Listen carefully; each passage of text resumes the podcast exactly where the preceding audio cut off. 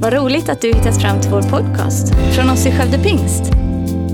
Vår bön är att den ska hjälpa dig förstå mer om vem Gud är, bygga din relation med honom och ge praktiska verktyg för ditt liv. En eh, handelsresande på medeltiden är ute på en affärsresa. Och så hör han lite ljud. Och så går han fram där och så ser han en eh, sammanbiten man grymtande slår med en hammare och en mejsel. Och affärsmannen frågar den här mannen då, vad gör du?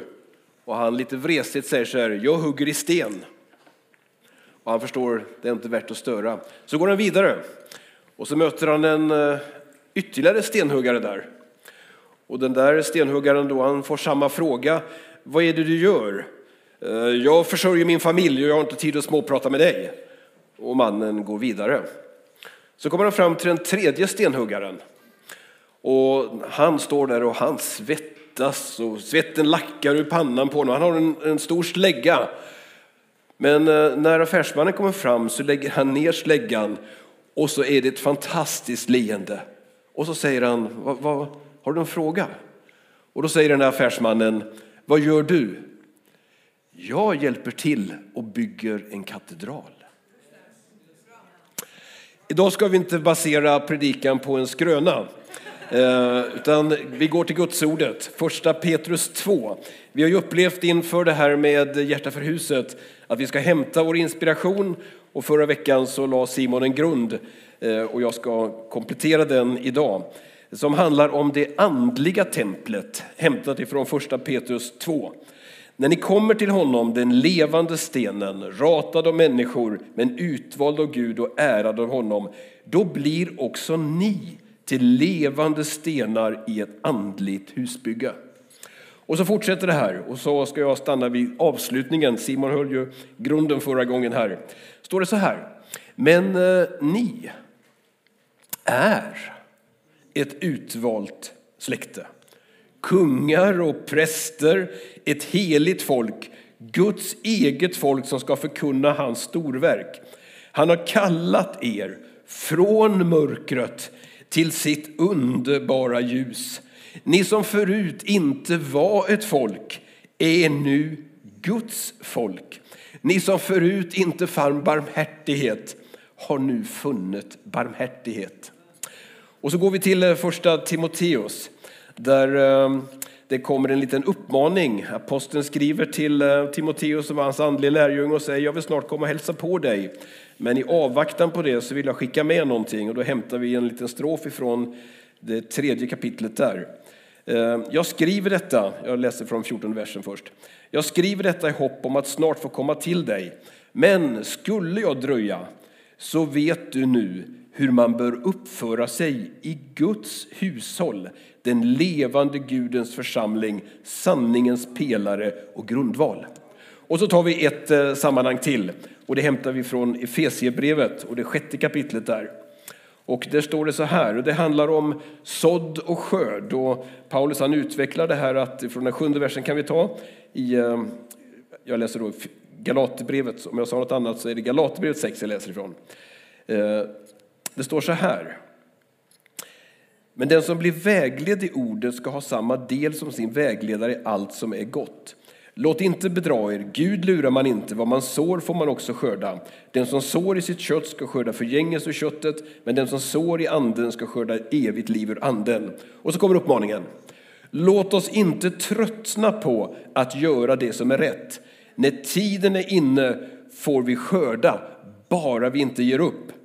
Så länge det finns tid ska vi därför göra gott mot alla människor, framför allt mot våra trosfränder eller en annan översättning, mot Guds hushåll. Och det där skulle jag vilja ha som lite grund för det jag ska säga idag. Och levande stenar, alltså det är, det är ett begrepp som är annorlunda. Det är inga vanliga stenar som vi pratar om. Eh, utan levande stenar, det är någonting väldigt annorlunda. Och vi är som kristna någonting väldigt annorlunda. Och det där husbygget, det där andliga templet, det är alltså inte bara ett vanligt hus, utan det är något annat. Men idag har jag inte tänkt tala så mycket om själva huset, utan snarare om hushållet. Och nu ska jag göra en sån här, jag är pedagog tror jag ibland, ehm, och eh, jag ska utesluta en del av er för att om jag säger några saker nu så kommer en del av er inte ha en aning om vad jag pratar om. Om jag säger så här till exempel då, House Lannister. Mm.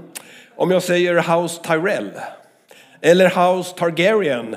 Eller om jag kommer till House Stark. Hängde med? En del, en del hade inte en aning om vad jag pratar om nu. En del vet det. Jag ska inte gå in djupare på det. Men vitsen varför jag sa det här, det är alltså en serie som har gått eh, jättemånga gånger eh, och eh, som heter Games of Thrones. Men när man säger så här så är det ingen som tänker på det slott där familjen Lannister var. Eller var Jon Snow kom ifrån egentligen då. Utan man tänker på människorna. Alltså det är inte byggnaden som var det primära. Det var inte deras slott, utan det var en kamp mellan de här människorna. Och så lämnar vi Games of Thrones eh, i och med detta. Men jag vill, jag vill bara liksom ta den. Simon framställde mig som en eh, antik föremål från förr. Och eh, en gång satt jag där uppe på läktaren. Och eh, här framme då, då fanns det en talarstol, den var någonstans här ungefär. En fast talarstol. Här står Karl Wern, föreståndare. Vi går tillbaka till 1972, 73 någonting. Då predikade han en predikan som jag fortfarande minns. Han hade förlorat sin fru Anna 1970. Och så står han här och så säger han så här. Jag har haft ett hem. Nu har jag bara en bostad. Vad är det vi försöker skapa? Ja, det är inte ett fint hus. Det är inte en byggnad, det är inte en katedral som vi ska vara stolta över, utan det är någonting i hushållet. Det är någonting som vi skapar för att en hemkänsla, någonting som är annorlunda och som gör det att det är skillnad på det som byggmästaren kan göra, för han kan bygga ett fint hus. Men sen kommer hushållet och våra relationer. Och jag har tänkt använda tre ord idag, lite grann om våra attityder lite grann om den atmosfär eller kultur som vi skapar och sen om aktiviteter utan att bli alltför långrandig. Men om vi börjar med attityder så har vår inställning till saker och ting en väldig påverkan för vad, vad det är som händer. Jag ska ge några illustrationer. Jag vet att de är lite dumma men eh, i brist på annat. Eh, för hur vi, hur vi tar oss an saker, alltså vår attityd, den har, den har stor betydelse. Och om jag gör så här och det här är ju perfekt för radiolyssnarna nu. Jag häller upp i ett glas. Och så En del ser nu att jag hade skakat på flaskan eller burken för länge. Men om jag gör någonting så där. Och så tittar vi på den stund nu, vi som då har liksom visualitet just nu. Nu finns det ett glas här framme och så ska ni beskriva vad ni ser. Mm. Någon som... Ja, cola, det var ju bra. Men det här, när man ska beskriva någonting, attityden till det här. Ser man ett halvt fyllt glas? Eller vad är det man ser? Alltså vår inställning till det. Eller, ehm, det här har jag kört många gånger med, men jag tycker fortfarande att illustrationen håller. Vad är det som ni ser på det jag håller upp? Och när man ska beskriva det här så säger det rätt så mycket om vår attityd. För en del på det här stora arket, de ser inte arket, de ser bara den här pricken. Vår attityd, den, den skapar en massa saker. Och attitydforskningen, det är ett utvecklat område. Jag ska inte gå in på det närmare, men det pratar om det som är det kognitiva, alltså vårt tänkande. Det talar om det emotionella, men också det vad som är beteendemässigt. Och beroende på hur vi, hur vi tar oss an saker, vilken attityd vi har, så formar det en massa andra saker. Fördomar är en typisk sån sak. Den tredje illustrationen då vill jag hämta ifrån vad Jesus säger. Och I Matteus 7 så talar han om att när vi, när vi möter varandra så varnar han för en sak. Och vi går till Matteus 7 som den tredje illustrationen om det här med vår attityd. Och där står det så här, och jag hämtar ifrån den fjärde versen eller tredje ska vi ta egentligen. Varför ser du flisan i din broders öga när du inte märker bjälken i ditt eget? Och hur kan du säga till din broder, låt mig ta bort flisan ur ditt öga, du som har en bjälke i ditt eget öga? Och sen säger Jesus hycklare. Alltså vår attityd, den är avgörande på väldigt många olika sammanhang. Paulus och Silas blev fängslade. Och så är de där i fängelset. Alltså de är, det här är ju grymt, det är fruktansvärda förhållanden. Och så vid midnatt, vad gör de då? De sjunger lovsång. Alltså mitt i allt detta, där de skulle liksom vara så, kunna vara så uppretade och förgrymmade på olika sätt, så är de ändå med där och bidrar med sin attityd. Alltså jag är i Guds hand, Gud han tar hand om mig, men nu vill jag lovprisa honom. Och så blir det väckelse i fängelset. Därför att de hade den här inställningen, den här attityden. Det var mörkt, det var eländigt, men jag har ju en Gud som är mycket större. En, eh, om, vi, om vi berättar gamla berättelser då. En av våra äldste, en del av er minns honom, Martin Hermansson hette han. Eh, han blev hastigt sjuk en dag, fruktansvärt sjuk. Så han hamnade på sjukhuset, det som då hette KSS, det heter Skaraborgs sjukhus i Skövde numera, man får inte säga något annat. Och ehm, så är han fruktansvärt, han har ont och så ligger han där plågad. Och så ligger han på akuten och väntar och så kommer det in en, en annan man som ligger bredvid som också har ont. Och eh, Martin då, i all det här så säger han så här, börjar prata med honom, så börjar han vittna för honom och så säger Martin så här, du, skulle jag kunna få be för dig? Ja, sa han. Du, jag har gått och väntat. Och så blir det så här så att Martin ber för den här mannen på akuten på sjukhuset. Martin som hade en massa smärta, elände, brydde sig ändå i akut skede om en annan man. Sen kom de och flyttades vidare. Efter några dagar kommer Martin hem. Den här mannen avled. Det sista som vi vet om den mannen, det var Martin bad för honom. Han hade en attityd och en inställning att inte ens det här eländet med sjukdomen ska hindra mig. Alltså attityd, det avgör väldigt mycket.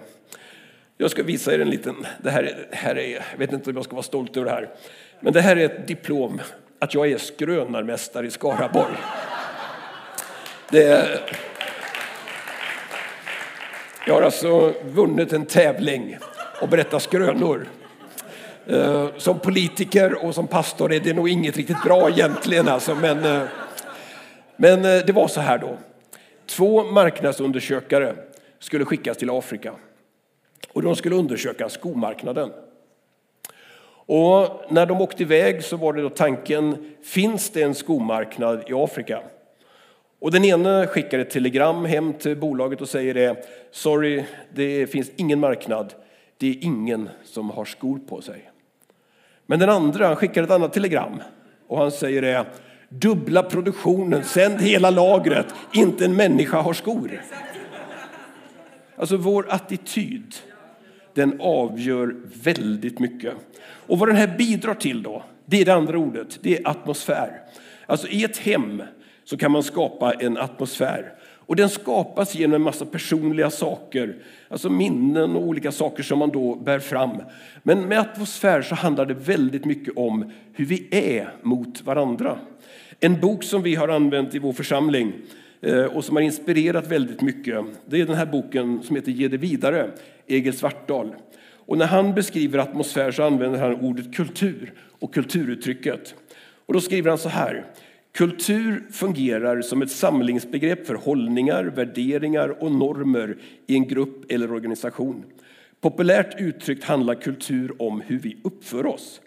Kulturen uttrycker våra värderingar, medvetna eller omedvetna.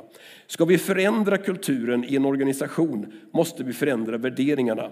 Det krävs stor medvetenhet och hårt arbete för att skapa en önskad tillväxtkultur. Det är väl det bonden gör när han bereder jorden så att den blir fruktbar. Ofruktbar blir den av sig själv om man inte gör något alls. Så beskriver han det här då som vi ibland kallar atmosfär eller kultur. Och han säger också någonting som vi har haft stor um, inspiration ifrån. Han säger så här, när han pratar om det här med utveckling och förändring, så säger han att det är bättre att genomföra en frivillig 10-procentig förändring varje år i tio år än att genomföra en 100-procentig ofrivillig förvandling var tionde år. I valet mellan en önskad evolution och en oönskad revolution vet jag vad jag föredrar. Egil Svartdal. Alltså det är, det är inte så dumt de där.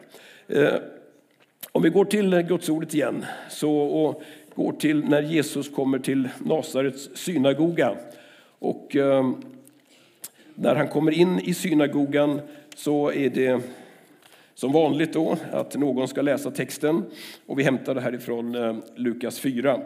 Jesus kom till Nasaret där han hade växt upp och på, på sabbaten gick han till synagogan som han brukade.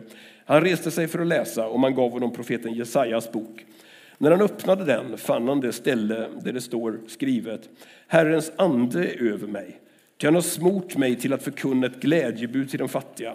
Han har sänt mig till att förkunna befrielse för de fångna och syn för de blinda, att ge de förtryckta frihet och förkunna det ett nådens år från Herren. Han rullade ihop boken och gav den tillbaka till tjänaren och satte sig. Allas blickar i synagogan riktades mot honom. Då började han tala till dem och så säger han, någon, eh, utvecklar här och så kommer det. Alla prisade honom och häpnade över de ljuvliga ord som utgick ur hans mun. Vad det här sammanhanget säger, det är att ord skapar atmosfär. Att vad man säger, och det märkliga är ju att det finns någonting som är så svårt att förklara, men, men det är, vi kallar det ibland för smörjelse.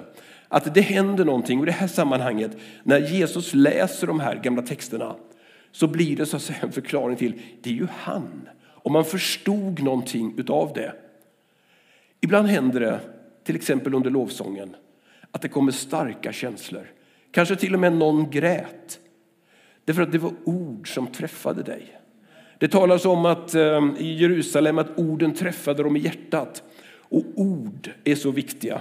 Och lite senare kommer han tillbaka till eh, eh, han kommer till Kafarnaum och där händer det massa saker. Jag ska bara ta en vers. De överväldigades av hans undervisning eftersom det låg makt i hans ord. Och det ligger makt i dina ord. En del småbarnsföräldrar har utvecklat ett kommandospråk. Det här kommandospråket det är rätt så enkelt, men det är ungefär så här att man säger eh, gå upp, klä på dig, ät, borsta tänderna, packa väskan, skynda dig. Så har ju inte ni det hemma hos er, men så där kan det vara hos en del då. Va? Alltså man, man säger rakt på sak sådär. Men om man sätter in det där i ett annat sammanhang och säger samma sak så kan det skapa en helt annan atmosfär än att försöka beordra fram någonting. Om eh, mamman eller pappan eller vem det nu är som väcker barnet säger så här Välkommen upp till en fantastisk ny dag. Vad roligt det ska vara att umgås med dig. Eller man säger liksom så här Du, idag ska du få borsta tänderna och du ska få använda din favvotandkräm som du köpte själv förra veckan. Häng, hänger ni med på att ord de skapar? Men ord de kan också begränsa. De kan frigöra. Och är det så här nu att eh, man har mött negativa ord så kan det följa med en hela livet. Om skolans häftigaste kille kommer fram och säger till en 15-årig tjej vilka små bröst du har. Så kan de orden hela livet leva kvar oavsett om hon har stora bröst eller inte. Men det blev en sån begränsning Därför att man kan liksom då begränsa människor. Men ord kan också frigöra. Och det är därför som uppmuntran är så viktigt. Att uppmuntra varandra för att skapa den här atmosfären då, att kunna vara med. Är det någon som har sån här modernt device nu, som ni har någon slags tidtagarur? Ja, vem? Topp. Ni som har det nu. Jag ska nämligen jag ska säga någonting som Ingmar Bergman har sagt. Jag ska bara förklara först, så ska ni ta tiden. Eh, hur lång tid det här tog för Ingmar Bergman. Det handlar om Lena Nyman. En del av er gillar inte Lena Nyman och eh, en del minns Vilgot Sjöman och 491. Det var den tidigare översättningen så, så frågade ju Jesus, eller man frågade Jesus hur många gånger ska man förlåta en oförrätt? 70 gånger 7. Och så att det här sa Vilgot Sjöman, det går inte att förlåta det jag gör. Så därför heter filmen 491, men det är en annan sak. Eh, men då, Lena Nyman, hon blev alltså otroligt ifrågasatt. En del minns det här. Nu är det en film, jag tänker inte gå och se den, men den är på bio just nu som handlar om Lena Nymans liv. Hon gick ner i djup depression, hade det jättetufft. Men då sa Ingmar Bergman, den eh, ja, också ifrågasatt person, men han sa en sak som kanske räddade livet på Lena Nyman. Är ni med? Tidtagningen? Börja nu. Ingmar Bergman sa, Lena Nyman är ett geni. Slut. Hur lång tid tog det? Ja, alltså någon sekund. Du är ett geni. Det levde hon på att han hade sagt. Det kanske till och med i det här nu dokumentären om henne var det som gjorde att i den här djupa depressionen att det räddade hennes liv. För att någon hade sagt det där som tog någon sekund.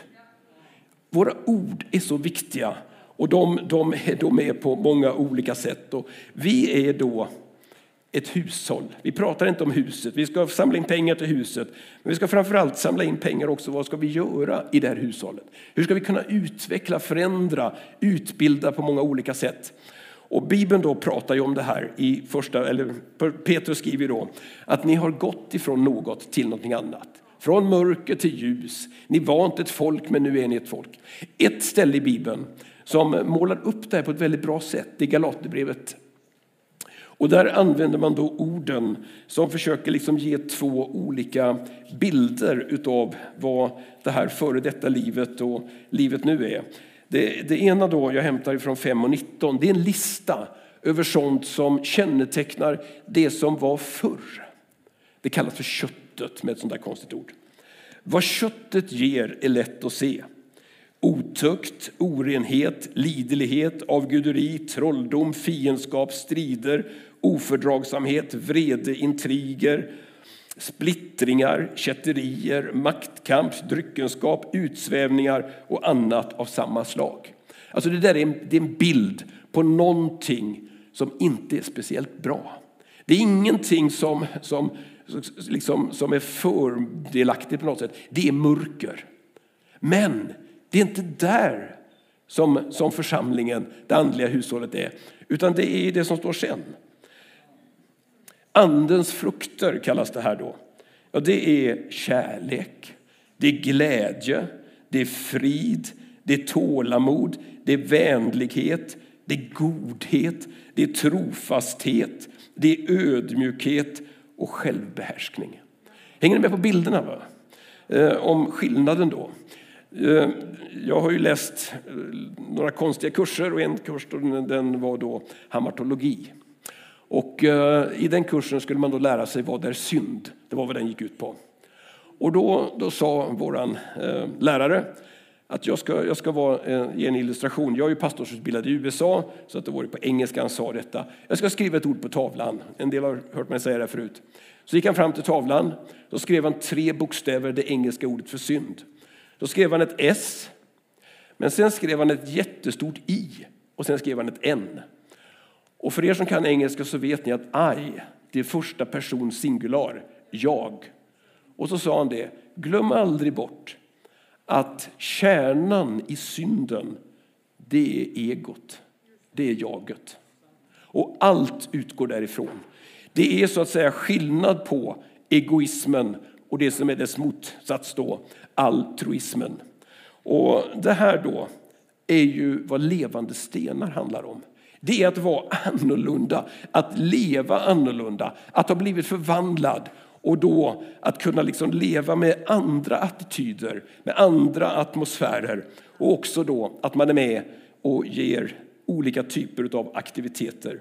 Och Jesus sammanfattar ju det här så bra i Matteus 7 och 12 om, om vad är det vi ska göra. Då säger han så här. Allt vad ni vill att människorna ska göra för er, det ska ni göra för dem. Och så läste vi inledningstexterna då ifrån Galaterbrevet. Låt oss inte tröttna på att göra det som är rätt. När tiden är inne får vi skörda, bara vi inte ger upp. Och ifrån Galaterbrevet då, eller var Timoteus då om hushållet, men också det här att eh, mot våra trosfränder. En, eh, en av kyrkofäderna, Tertullianus, han var den första som skrev på latin någon gång på 200-talet. Han beskrev hur omvärlden talade om de kristna. Det är inte så att det står i Bibeln, alltså, men det var så här man pratade om dem. Och så skriver Tertullianus att, att de, de sa, de som var utanför församlingen, om församlingen, se hur de älskar varandra. Alltså det var någonting, gör gott särskilt mot våra trosfränder. Och så spred det ett rykte där att vara med då. Det finns massor bibelord, jag ska inte stanna inför dem. Men i Johannes 3, den här lilla bibeln, eh, om att så älskade Gud världen, så pratar den också om att vi har liksom gått från mörker till ljus. I Johannes 15 att vi är kallade ut ur världen. I eh, första Korintierbrevet 10 att vi lever i världen men vi strider inte med världsliga vapen. Och i första Johannes, ni ska inte älska världen. Den har sina lockelser, men lockelserna de förgår. Det finns en massa bibelord med det, att det är inte där vi hör hemma. Vi hör hemma i någonting annat. Jag tillhör dem som har en massa dåliga egenskaper. Och en sån är att vara väldigt ouppmärksam. Och det ställer till en massa elände för mig. Ni vet grabbar, om man um-, umgås med dem, så, så odlar de skägg och mustasch. Och här i kyrkan så var det en del som höll på med det ett tag. Och så kommer de och så känner de sig så annorlunda. Så möter de mig och jag ser inte ens att de har rakat sig. Hänger ni med? Alltså, de, men vi umgås ändå.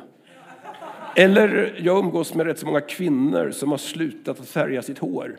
Och så kommer de till sitt första offentliga möte, så möter de mig och jag märker inte ens att de har liksom slutat färga håret. Men det värsta är ju hemma i mitt hushåll. Där jag har en fru som försöker liksom bygga ett äktenskap och skapa stämning och allt detta. Så kan jag komma hem och så går det ett tag och så säger Margaret, vad tycker du? Vad då tycker? Ja, märker du inte något? Ja, vad då märker liksom? Så här. Men jag har ju bytt gardiner. Och jag har inte ens sett det. Det finns ett ord som inte för tolkande går inte att översätta, goddag yxskaft. Där, där, där platsar jag liksom. Va? Jag har en så fantastisk fru.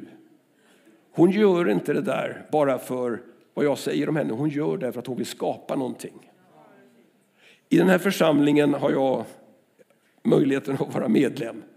Därför att det är bara nåd. Jag är inte förtjänt av det. Men det är någonting att få vara med i det här hushållet som är så annorlunda. Vi är oförtjänta av det och vi får ändå då vara med i de här sammanhangen. Eh, det finns i Efesierbrevet 6 så handlar det om eh, ett ord, jag ska inte stanna och läsa i sin helhet, men det handlar om att vara inte inställsamma ögontjänare. Det vill säga att tjäna inte bara för att man ser det du gör. En del syns, de står på scen, de märks. Men det allra mesta jobbet det sker kanske i tystnaden. Jag, när, när jag blev utbildad så blev jag utmanad av eh, skolans rektor som försökte ge en bild av vad det innebär att tvätta fötter. Och då sa han så här att eh, jag tror att tvätta fötter det är att man städar upp på toaletten när man går därifrån så det ser fräschare ut när man går än när man kom. Och det där alltså det känns ju väldigt konstigt. Men jag kan inte gå in på en toalett idag och se att det ligger en massa pappershanddukar. Jag är ofta på offentliga toaletter, reser mycket. Då plockar jag upp det för jag vill göra lite trevnad för någon annan. Men det är ingen som märker det. Jag ska berätta om Mats. Helt vanlig grabb här i kyrkan. Jag har varit lägerchef, varit på massor med läger. Och när man är uppe i fjällen på vinterläger så är det ju så att ofta så är det ju då att det finns ett matlag och de har fixat maten och så kommer man från backarna och så ska man då ge sig in och käka. Och då slänger man av sig kläderna och pjäxorna står lite huller om buller. Och så, så hände det någonting på ett läger. Jag förundrades över vad var det för någonting. För jag såg hur det såg ut i hallen, men på morgonen så stod alla pjäxor uppradade snyggt. Och jag blev så nyfiken, hur går detta till? Så jag smög, det här är ju lite fult då va, men jag smög på kvällen där och ertappade Mats. Och så frågade jag honom, vad gör du? Jo, sa han, det är så här. Alltså han var 16-17 år. Han var inte ledare, var en i gänget. Vet, de här de, de, de förstår inte att de måste torka sina pjäxor. Så jag går och känner på alla pjäxor på kvällen om de är blöta och då tar jag dem till torkrummet. Men sen har jag kommit på det att det tar så lång tid att åka i bussen på morgonen om de inte hittar sina pjäxor. Så jag parar ihop alla pjäxor och ställer dem i lite avstånd för då går det mycket lättare. Det var inte en människa som såg vad han gjorde. Det är bara jag och han som vet om detta. Men mitt förtroende för honom, det blev stort. Han tjänade i det tysta. Och det är ju inte de här stora eh, uh, attityderna, eller de här, alltså igår, fantastiskt, vi gjorde manifestationen Walk for Freedom, jag älskar sånt. Men det är någonting annat i Guds hushåll. Det är andra regler. Där behövs vi alla. Och en del, de tjänar då, inte så att det syns och inte märks, kanske inte får någon uppmärksamhet. Ord har betydelse för det här. Men eh, Martin Luther King har sagt så här, att tystnad har också betydelse. Den stora tragedin är inte de onda människornas brutalitet, utan de godas tystnad. Den stora tragedin är inte de onda människornas brutalitet, utan de godas tystnad. Jag ska avsluta med en illustration. Jag behöver lite hjälp av några av er. Ehm, om vi gör så här att, eh, kan ni hjälpa mig?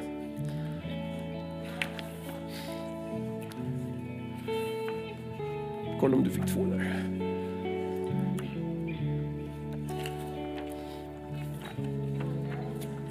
Skicka bort den.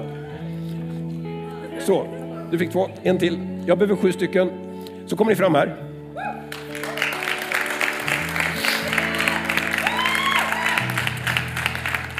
Och så ska ni, ska ni gruppera er nu så att det blir, ställ er i mitten. Så att närradiofolket ser ordentligt. Okej, okay, kolla på era skyltar. Vad, vad är ordet? Först måste ni fixa vad ordet är. Gå lite längre bort. Lite grann åt höger. Ja, vilket ord är det jag försöker bilda? Vilken ska stå först? Är det något tips? Vem ska stå längst till vänster? T, ett T längst bort. E.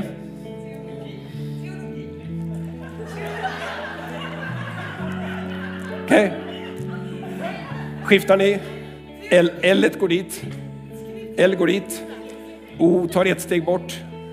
Och I står längst ut. Nej, det blev fel. Uh, vi, ni, ni byter ord, byter plats. Är vi med nu? Har vi fått det rätt? Okej. Okay. Nej. ja, okej. Okay. Mm. Vad jag har försökt säga idag, det är att vi är annorlunda. Vi är Guds folk. Vi har kommit från ett sammanhang i ett annat.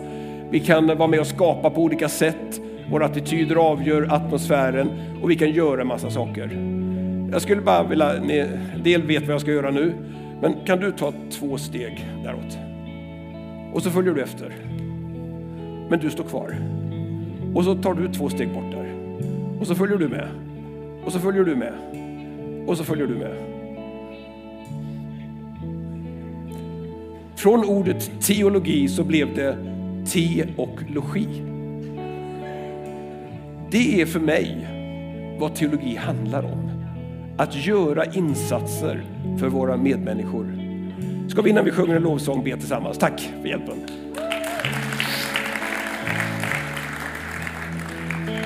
Uppmaningen från Jakob är ju, var inte bara hörare, utan var också görare.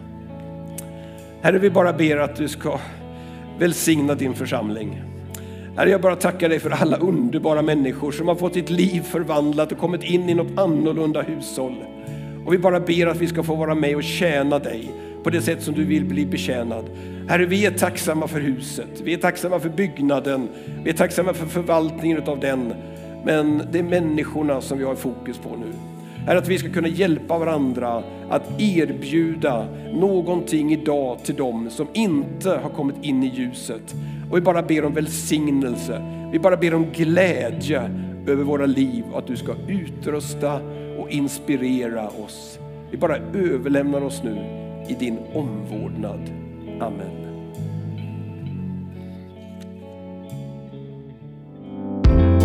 Tack för att du lyssnat. Gärna podden med dina vänner och glöm inte att prenumerera så du inte missar nästa predikan. Om du har några frågor eller vill att vi ska be eller tacka för något tillsammans med dig så får du gärna höra av dig till kyrkan skövdepingst.se. För oss är veckans höjdpunkt söndagens gudstjänst och det vore så kul att träffa dig där. Våra team finns då redo att ta emot dig och det finns även egna samlingar för barnen. Du hittar mer information om oss, vilka vi är och våra olika mötesplatser på skövdepingst.se. Gud välsigne dig och ha en fortsatt bra vecka.